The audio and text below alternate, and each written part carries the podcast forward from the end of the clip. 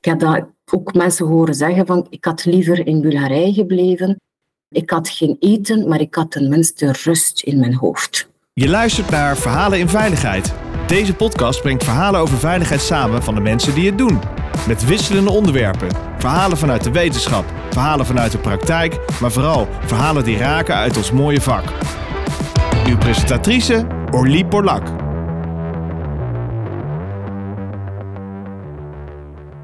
Welkom uh, luisteraars, het is weer tijd voor een uh, mooie podcast. Ik zit natuurlijk niet alleen in de studio. Ik heb een uh, bijzondere dame uit België uitgenodigd die ik tegenkwam in de krant. En de krantenkop, daar schrok ik een beetje van. En toen dacht ik, dit is weer een onderwerp voor deze podcast. Dus in de studio zit Anetta Filipova. En zij is geboeid door maatschappelijke trends en criminaliteitsrelevante factoren. Anetta is betrokken bij het informeren van kwetsbare personen over de bestaande dienst- en hulpverlening en toeleiden naar de reguliere arbeidsmarkt. Anetta is een vertrouwenspersoon van deze kwetsbare personen. Daarnaast heeft zij criminologie gestudeerd aan de Universiteit van Gent. En ik ben, zoals ik al vertelde, haar tegengekomen in de krant. En ik schrok eigenlijk van deze titel. Gent draaischijf voor sociale uitbuiting Bulgaren. Echte maffiapraktijken. Ik kreeg 50 euro per week. Ja, ik vind dit gewoon een reden om Annette uit te nodigen. Ik hoop jullie als luisteraars ook. Dus Annette, super fijn dat je er bent. Welkom tot deze podcast. En wat fijn dat wij een kijkje in de keuken krijgen in het rijlen en zeilen in, uh, in België. En uh, dus uh, van harte welkom. Dank. En bedankt voor je uitnodiging. Graag gedaan. Ja, ik wil eigenlijk gewoon meteen met de deur in huis vallen. Kun je iets meer vertellen over wat er gaande is als het gaat om uh, ja, de sociale uitbuiting of überhaupt misschien wel zelfs financiële uitbuiting van Bulgaren in, uh, op de Belgische arbeidsmarkt? Ja, nu, de toenemende arbeidsmigratie vanuit Bulgarije dient gekaderd te worden tegen de achtergrond van de maatregelen die het vrij verkeer van personen en diensten tussen de EU-landen gerealiseerd hebben. In 2007 is Bulgarije namelijk toegetreden tot de Europese Unie, maar tot einde van 2013 was de situatie nogal complex omwille van de overgangsfase. De overgangsfase houdt een afbakening in op, op het vrij verkeer van personen. Dus Bulgaarse werknemers hadden enkel beperkte toegang, uh, namelijk voor de knelpuntberoepen, waarbij de werkgever een arbeidskaart diende aan te vragen. Ondernemerschap valt daaronder het vrij verkeer van diensten en hebben bijgevolgd geen beperking. Dit laatste aspect verklaart de sterke toename van het aantal Bulgaarse zelfstandigen sinds 2007. Vanaf 2014 kregen dan alle EU-burgers toegang tot de volledige uh, reguliere arbeidsmarkt en waren er geen beperkingen verder. Als we het gaan hebben over de sociale uitbuiting van Bulgaren, dan gaat het eerder over schijnzelfstandigheid en uitbuiting in het zwartwerkcircuit. Schijnzelfstandigheid is een situatie waarbij een persoon, vrijwillig of gedwongen, het statuut van een zelfstandige aanneemt, alhoewel hij of zij in realiteit over een ondergeschikte positie beschikt ten aanzien van een ondernemer. Zelfs zijn activiteiten niet organiseert en niet deelt in de winst van het bedrijf, maar een vaste vergoeding, een vaste vergoeding krijgt. Op basis van die NEP-statuut spaart de werkgever heel wat geld op sociale zekerheidsbijdragen. Uh, daar waar in het verleden de schijnzelfstandigheid sterk aan de mode was onder de frauduleuze werkgevers in België, is de dag van vandaag de uitbuiting in het zwart werkcircuit populairder. Anders gezegd gaat het om geen of onvolledige demonenaangifte. Wat bedoel ik nu juist met een onvolledige demonenaangifte? Denk bijvoorbeeld aan voltijdse prestaties en overuren, waarbij maar een halftijdse registraties worden gedaan door de werkgever. ik denk dat dit in Nederland ook wel zien, die, die, die schijnconstructies. We hebben in Nederland een enorme discussie gehad over uh, eigenlijk het inhuren van uh, ZZP'ers voor flitsbezorgers of bezorgers van eten en uh, bezorgers van boodschappen. Die door die ZZP-constructie eigenlijk zwaar onderbetaald werden. En die dus ook eigenlijk geen rechten echt hadden. En je ziet ook dat ze daar dus meer kwetsbare groepen voor aannamen. Bijvoorbeeld groepen die net nieuw waren in, in, in Nederland. Dus wij, wij kennen dat, dat wel. Ik hoop dat we zwart, zwartwerken heb ik ook gehoord dat we dat in Nederland dat we daar ook bekend mee zijn. Dat ik het laatste de arbeidsinspectie in de podcast en die vertelt dat, dat dat hier ook wel eens gebeurt. Maar kun je ook wat meer vertellen over hoe, hoe dat te werk gaat? Hè? Hoe worden die kwetsbare groepen uitgebuit? Hoe, uh, hoe werkt dat? Ja, nu, uh, het merendeel van die Bulgaren, hè, is, ja, ze worden gekend door een kwetsbaar profiel, zoals je net zegt. Ze spreken niet of beperkt Nederlandse taal, maar ze spreken ook verder geen andere contacttaal. Hè. Dus de communicatie verloopt moeizaam op de reguliere arbeidsmarkt. Uh, ze zijn vaak ook ongeletterd en vinden moeilijk de weg naar, uh, naar de juiste diensten. Hè. Dus hoe gebeurt het om een voorbeeld aan te geven is, onlangs zag ik iemand zitten voor een kerk en ik ben spontaan naar hem gegaan. Ik zei, hey, hoe gaat het met u? Is er iets aan de hand? Want hij was aan het wenen, hij was niet zo gelukkig. En hij vertelde mij dat twee weken geleden een Bulgaarse werkgever langs de kerk passeerde en me aansprak over een job. Wil je bij mij komen werken? En hij heeft direct tegengestemd van ja, natuurlijk, hè, morgen al. En hij is gaan werken in Antwerpen voor een aantal weekjes. En die mens is niet betaald geweest. Hij heeft prestaties moeten doen aan, aan, aan de dak, dus dakwerken. Ging het over dakwerken en in het, juist in dat periode als het zo warm was bij ons in het land. Maar jammer genoeg is die niet betaald geweest. Het gaat over iemand die ook dakloos is. En ook recent in het land bijgevoegd heeft hij ook geen registratie. Dus in feite is het ook niet gekend bij ons. Een, een gemakkelijke prooi. Een makkelijke prooi. En hoe gaat de Belgische overheid daarmee om? En worden die mensen uh, beschermd of krijgen ze uiteindelijk nog de rekening van, een, uh, van premies die niet betaald zijn? Um, ik moet zeggen dat de lokale overheden vooral heel erg inzetten op outreachend werken. Uh, dus eigenlijk deze mensen gaan benaderen en informeren. Ze werken ook met tolken, dus heel veel diensten werken ook met tolken. Maar het probleem is in feite dat zodra dat wij het weten dat er iets gaande is, is het probleem, probleem heeft al plaatsgevonden omdat er zo vaak nieuwe mensen komen en naar ons en hier registraties gedaan worden, eh, dan kennen, weten we ook niet over hun aanwezigheid. Dus kunnen we ook niet echt proactief of outreachend aan de slag gaan. Dus vaak gaat het als een probleem zich al vastgesteld heeft, dat wij dan pas kunnen inspringen. En de lokale overheden zijn zeer laagdrempelig, dus ze, ze werken met allee, bemiddelaars, assistenten, laten we zeggen, die outreachend gaan werken, die eigenlijk ook zeer empowerment gaan werken, hand in hand uh, met de persoon in kwestie bij verschillende diensten gaat om, om hem of haar te redden uit die situatie. En heb je zicht op hoe groot het probleem is? Hoeveel Bulgaren zijn er nu ongeveer eigenlijk in slechte condities aan het werk? Ik kan daar geen cijfer op plakken, jammer genoeg. Ik beschik niet over cijfermateriaal hierover. Ik vind dat vind het ook zeer moeilijk om het te constateren, om, juist omdat er uh, weinig mensen geregistreerd zijn. Uh, ofwel hebben ze al een adresregistratie uh, bij ons, maar weten wij niet dat ze aan het werk zijn. En hoe? Ik kan daar heel moeilijk uitspraak over doen. En hoe kom jij met deze mensen in contact? Welke verhalen hoor jij van hun? Mm -hmm. Dus meestal vanuit uh, de gemeenschap, dus uh, reclame, mond via mond reclame, komen ze bij mij terecht uh, via de sociale media, onder andere Facebook. Ik krijg wel regelmatig oproepjes via Messenger en, en lange mailtjes met probleemverhalen. Maar ook, ik ga ook naar de buurten toe en ik spreek mensen ook spontaan aan met de bedoeling om hen te informeren en te voorkomen dat ze inderdaad in de sociale uitbuiting terechtkomen. een advies dat ik vaak ook zeg is van onderteken nooit een blad papier waarbij je niet weet wat erop staat. Ja, dus op deze manier in feite. Ja, het is een, dus, allez, ik ben nogal wat gekend onder de gemeenschap en ze kunnen heel gemakkelijk de weg ook naar mij vinden. En wat voor verhalen hoor je dan? Wat voor soort uitbuitingen kom je tegen? Ja, uh, dus zoals ik al gezegd heb, de schijnzelfstandigheid is nog altijd uh, iets dat blijft gebeuren in mindere mate dan voorheen. Uh, maar vaak hoor ik inderdaad uitbuitingen en zwartwerkcircuit onder slechte werkomstandigheden werken en, en zo verder. Eh, ik weet, onlangs waren er twee jonge mannen vanuit Bulgarije gehaald naar België. Uh, ze mochten met een vliegtuig naar hier komen om te werken. Bij, bij het landen van de vliegtuig werden ze ontvangen door hun werkgever.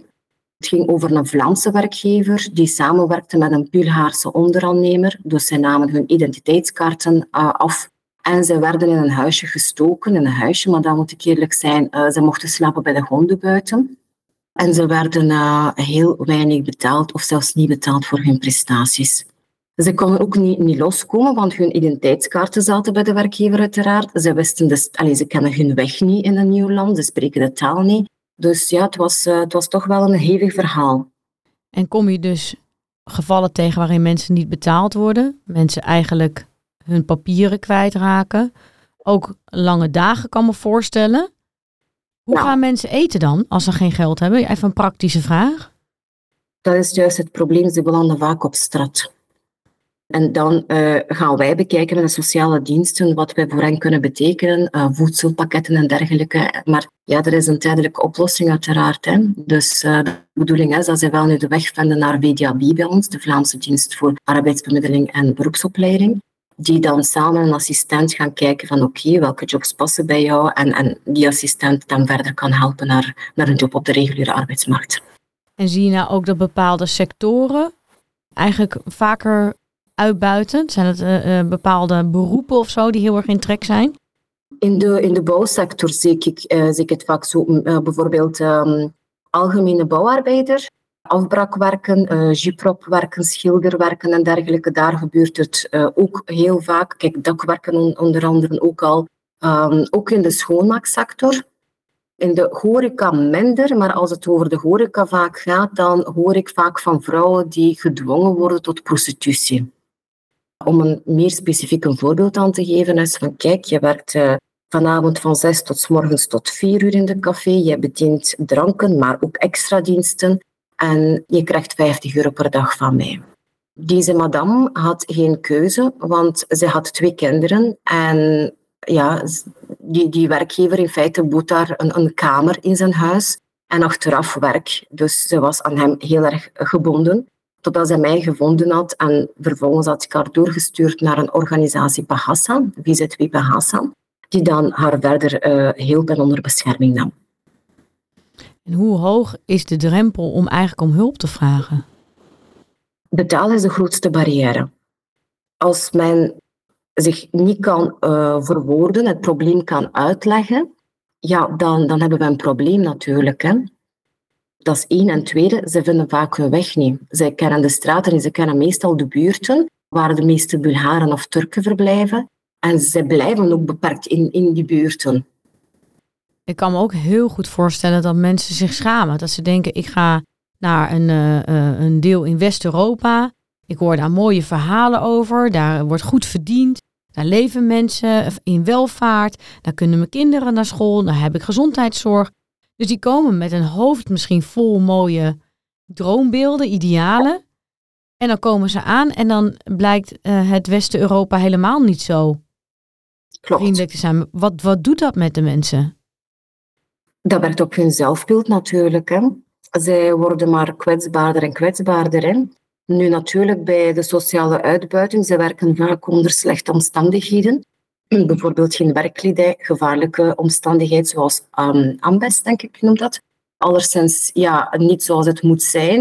Um, en vervolgens uh, ontwikkelen ze fysieke klachten, medische problemen. Soms gebeuren ook werkongevallen. En dat komt niet goed voor die mensen. Psychologisch, psychisch uh, gaan ze eronder. Want zoals je zegt, gaan ze inderdaad vaak heel positief van ik kom hier werken ik wil werk en ze vertrouwen op het woord van de werkgever die dan hun taal, eigen taal spreekt. En dan komen ze inderdaad in die frauduleuze praktijken. Ik heb dat ook mensen horen zeggen van ik had liever in Bulgarije gebleven. Ik had geen eten, maar ik had tenminste rust in mijn hoofd.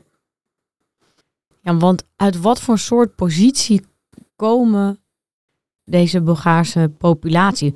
Hoe is hun thuissituatie? Waar, uh, wat is hun achtergrond over het algemeen? Mhm. Eh, de meeste zijn eigenlijk minderheidsgroepen van, van het land. En dan kunnen wij een onderscheid maken tussen de Turkse minderheidsgroep, die dan Turks of eerder de oude Turks, Ottomaans-Turks spreken, uh, die destijds niet kunnen vluchten uit het land naar Turkije, lang, lang geleden. En dan heb je ook nog de Roma-gemeenschap, en ja, die hebben een andere cultuur, andere taal, andere religie. En die zijn nog kwetsbaarder. Vaak zijn ze ook ongeletterd analfabeten. En hoe komt dat dat ze ongeletterd zijn? Gaan ze in thuisland niet naar school? Ah, wel, uh, meestal het probleem is geweest uh, dat ze zodanig arm waren dat ze eigenlijk hun kinderen niet naar school konden sturen. Maar ook als kinderen naar school gestuurd worden, worden in bepaalde wijken van Bulgarije uh, deze minderheidsgroepen uh, enorm gediscrimineerd. Er is ook weinig werk aan bod voor deze mensen. Dus eigenlijk uit nood vluchten zij naar een ander land met de hoop dat ze daar wel de kans krijgen om te werken, om te studeren en, en zo verder. Om een leven te bouwen. Dus eigenlijk hebben ze aan twee kanten een uitdaging. In het, in het thuisland worden ze gediscrimineerd in het onderwijs, krijgen ze geen kansen daar. Uh, ook gediscrimineerd op de arbeidsmarkt, waardoor ze ook geen kansen hebben. En dan komen ze naar, naar België toe. En dan uh, vinden ze zich eigenlijk in een, in een dubbel-dubbel minderheidspositie. Ja, jammer genoeg uh, komt het daarop neer, ja. En zie je nou bij deze groep ook mentale problemen ontstaan? Dat je zegt, het is niet alleen de, de uitbuiting waar mensen aan, aan ten grondslag gaat, maar ook misschien de teleurstelling? Ja, zeker. Een grote teleurstelling. En ik zie dat mensen ook vaak gaan belanden uh, in drugsmilieu, jongeren vooral, in de drugsmilieu. Uh, en wat oudere populatie uh, alcohol veel neemt. Nu, in het algemeen kunnen we vaststellen dat Balkanlanden wel feestmensen zijn. Maar ik zie dat de meeste mensen die ik nu tegenkom, uit, uit, uit verdriet, gaan ze wel vaak beginnen drinken en, en veel drinken. Zat worden, agressief gedrag ontwikkelen. Ja. En heb je zelf nou eens dat je een keer een schrijnend verhaal hoort, dat je denkt, oh, dit maakt me zo boos, ik ga die werkgever bellen? Ja, ik heb dat een keer gedaan. Het ging over een, een gezin die uh, ondertussen ook gescheiden is, maar ze stonden toen op punt van scheiding, omdat de vrouw eigenlijk haar man beschuldigde van je bent een dommerik, hoe kon je betrappen, hoe kon je intrappen in dergelijke situatie. Het was eigenlijk nu zo dat de werkgever, een Bulgaarse werkgever, een contract heeft laten ondertekenen maar dat contract ging eigenlijk over tien aandelen van zijn onderneming. Achteraf uh, kwam het op neer dus dat de man uh, heel wat sociale bijdragefacturen had. En hij was in paniek. Enerzijds had hij zijn loon niet gekregen, of een stuk van zijn loon. En, en anderzijds uh, had hij heel veel facturen plots thuis gekregen. Hij kon zijn huur niet betalen. Er was geen eten voor de kindjes, want hij had ook nog twee kindjes. En zijn vrouw was heel kwaad op hem dan, ben ik, dan, dan heb ik eigenlijk die werkgever wel gebeld. Het is ook toevallig iemand die ik ken. En ik zei van, wat jij nu doet, is niet oké. Ik vraag u, beleef dat jij nu wel die facturen betaalt en de loon van die mensen uitbetaalt en nooit meer dergelijke praktijken doet. Uh, hij had er wel begrip voor en heeft dat wel gedaan. Achteraf is het ook gestopt met zijn zelfstandige activiteit, maar wat ik dan gezien, dat hij een, iemand heeft uitgekozen, een slachtoffer, om zijn bedrijf op, op zijn naam te vestigen. Dus er is ook zoiets heel raars van waarom gebeurt dat zo gemakkelijk de dag van vandaag? Kunnen wij, hoe kunnen mensen zonder Nederlands uh, of met weinig Nederlands een bedrijf openen en mensen laten werken? Ik, ik begrijp dat niet goed. Waarom gebeurt dat niet zo gemakkelijk? Ja, dus eigenlijk wordt de positie nog meer verzwakt. Doordat iemand helemaal niet weet waar hij aan begint en wat zijn eh, rechten zijn en wat zijn plichten zijn. Uh, en waar hij voor, voor tekent. Ja. Dus, dus eigenlijk hoor ik jou bijna zeggen, dit, dit zou bij de wet eigenlijk geregeld moeten worden dat je geen contracten mag tekenen die je niet begrijpt. Onder andere ja, maar ik denk ook bijvoorbeeld aan een infolaket of zo. Iedereen die zich komt aanmelden of laat registreren, dat die persoon dan ook informatie kan krijgen in eigen taal, via een brochure of dergelijke. Denk maar bijvoorbeeld voor de Oekraïners wat wij nu doen, uh, dat dat ook mogelijk mag zijn ook voor andere anderstaligen. Want nu spreken we over Bulgaren, maar ongetwijfeld zijn er ook andere nationaliteiten slachtoffers van dergelijke praktijken. En meer toezicht? Dat de arbeidsinspectie, ik weet niet hoe dat heet, in België en Nederland heet de arbeidsinspectie. Ja. Gaat dat uh, de kwetsbare groepen meer beschermen? Uh, ik denk dat er meer controles moeten komen, want wat ik iets opgemerkt heb bij de Bulgaren is, ze zijn bang van politie-sirenes en van controles. Ik denk als er vaak controles zijn, ook is niet direct iets aan de hand met het bedrijf, dat ze dan wel voorzichtiger gaan zijn en, en allez, gaan meer opletten um, en niet durven om, allez, om frauduleuze praktijken te doen. Want wat we nu zien is inderdaad, sociale inspectie doet controles en inderdaad mensen krijgen straffen. Maar daarna wordt er een andere slachtoffer uitgekozen. Um, en die krijgt plots een bedrijf uh, boven zijn kop zonder zijn weten. En de, de effectieve werkgever blijft eigenlijk zijn frauduleuze praktijken voortzetten. Dus ik zou eigenlijk wel opteren voor meer controles om zij af te schrikken, ook qua preventief optreden. in plaats van achteraf sanctioneren. Zijn er nog meer maatregelen die de Belgische omgeving kan doen? Dat kan de overheid zijn, maar kunnen ook hulporganisaties zijn. Waardoor deze kwetsbare groepen zich meer beschermd achten? Er zijn uh, projecten onder andere, maar jammer genoeg is dat die projecten gefinancierd worden uh, door Europa. En dat zijn tijdelijke projecten, hè, van een jaar, van twee tot vier jaar. En, en, ja, en dan is het gedaan. Dus uh, dat is wel heel jammer dat het niet voorgezet kan worden. Um, die tijdelijke projecten zijn vaak ook succesvol. Er zijn heel gemotiveerde mensen die zich willen omfermen en engageren met deze doelgroep.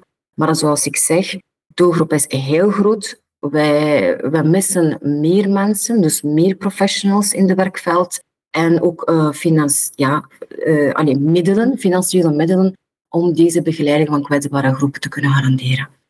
Ja, en in de toekomst zal je misschien inderdaad, zoals je zelf al aangaf, veel meer groepen komen.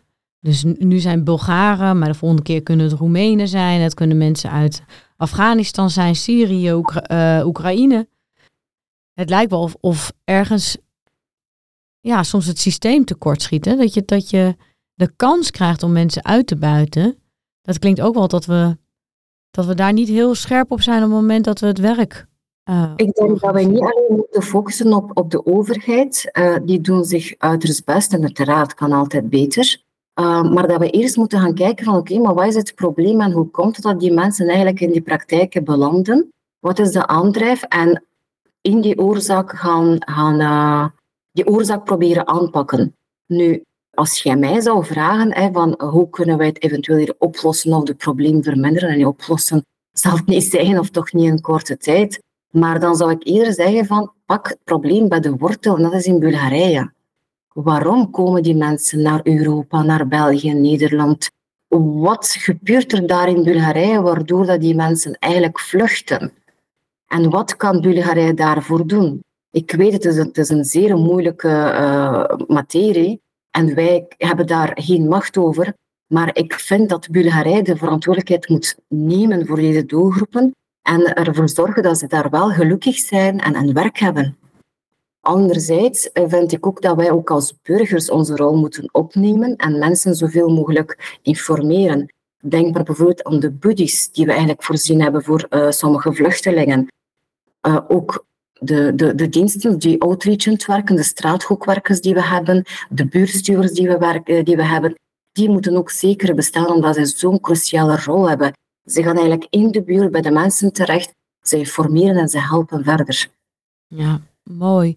Dan wil ik jou hartelijk danken voor deze podcast. Ik denk dat het heel belangrijk is dat we ons ja, bewust zijn van dat dit soort dingen gebeuren. Dat mensen in een kwetsbare groep uitgebuit kunnen worden. Uh, ze noemen het soms ook wel eens moderne slavernij. Dat is het ook wel. Als je voor 50 euro in de week moet werken, dan uh, klinkt dat als slavernij. Als je in uh, vieze omgevingen moet werken en je paspoort wordt ingepakt uh, en je maakt uh, dagen die niet meer verantwoord zijn tegen veel te slecht loon, ja, dat, dat is uitbuiting. En ik denk dat inderdaad de hele samenleving daar alert op moet zijn en de mensen moet helpen die, die dat nodig hebben. Dus hartelijk dank voor, voor deze mooie podcast. Je luisterde naar Verhalen in Veiligheid. Wil je niks missen van deze podcast? Abonneer je dan op deze podcast in je favoriete podcastplatform. Of laat een recensie achter via Apple Podcast. Dank voor het luisteren. Graag tot de volgende.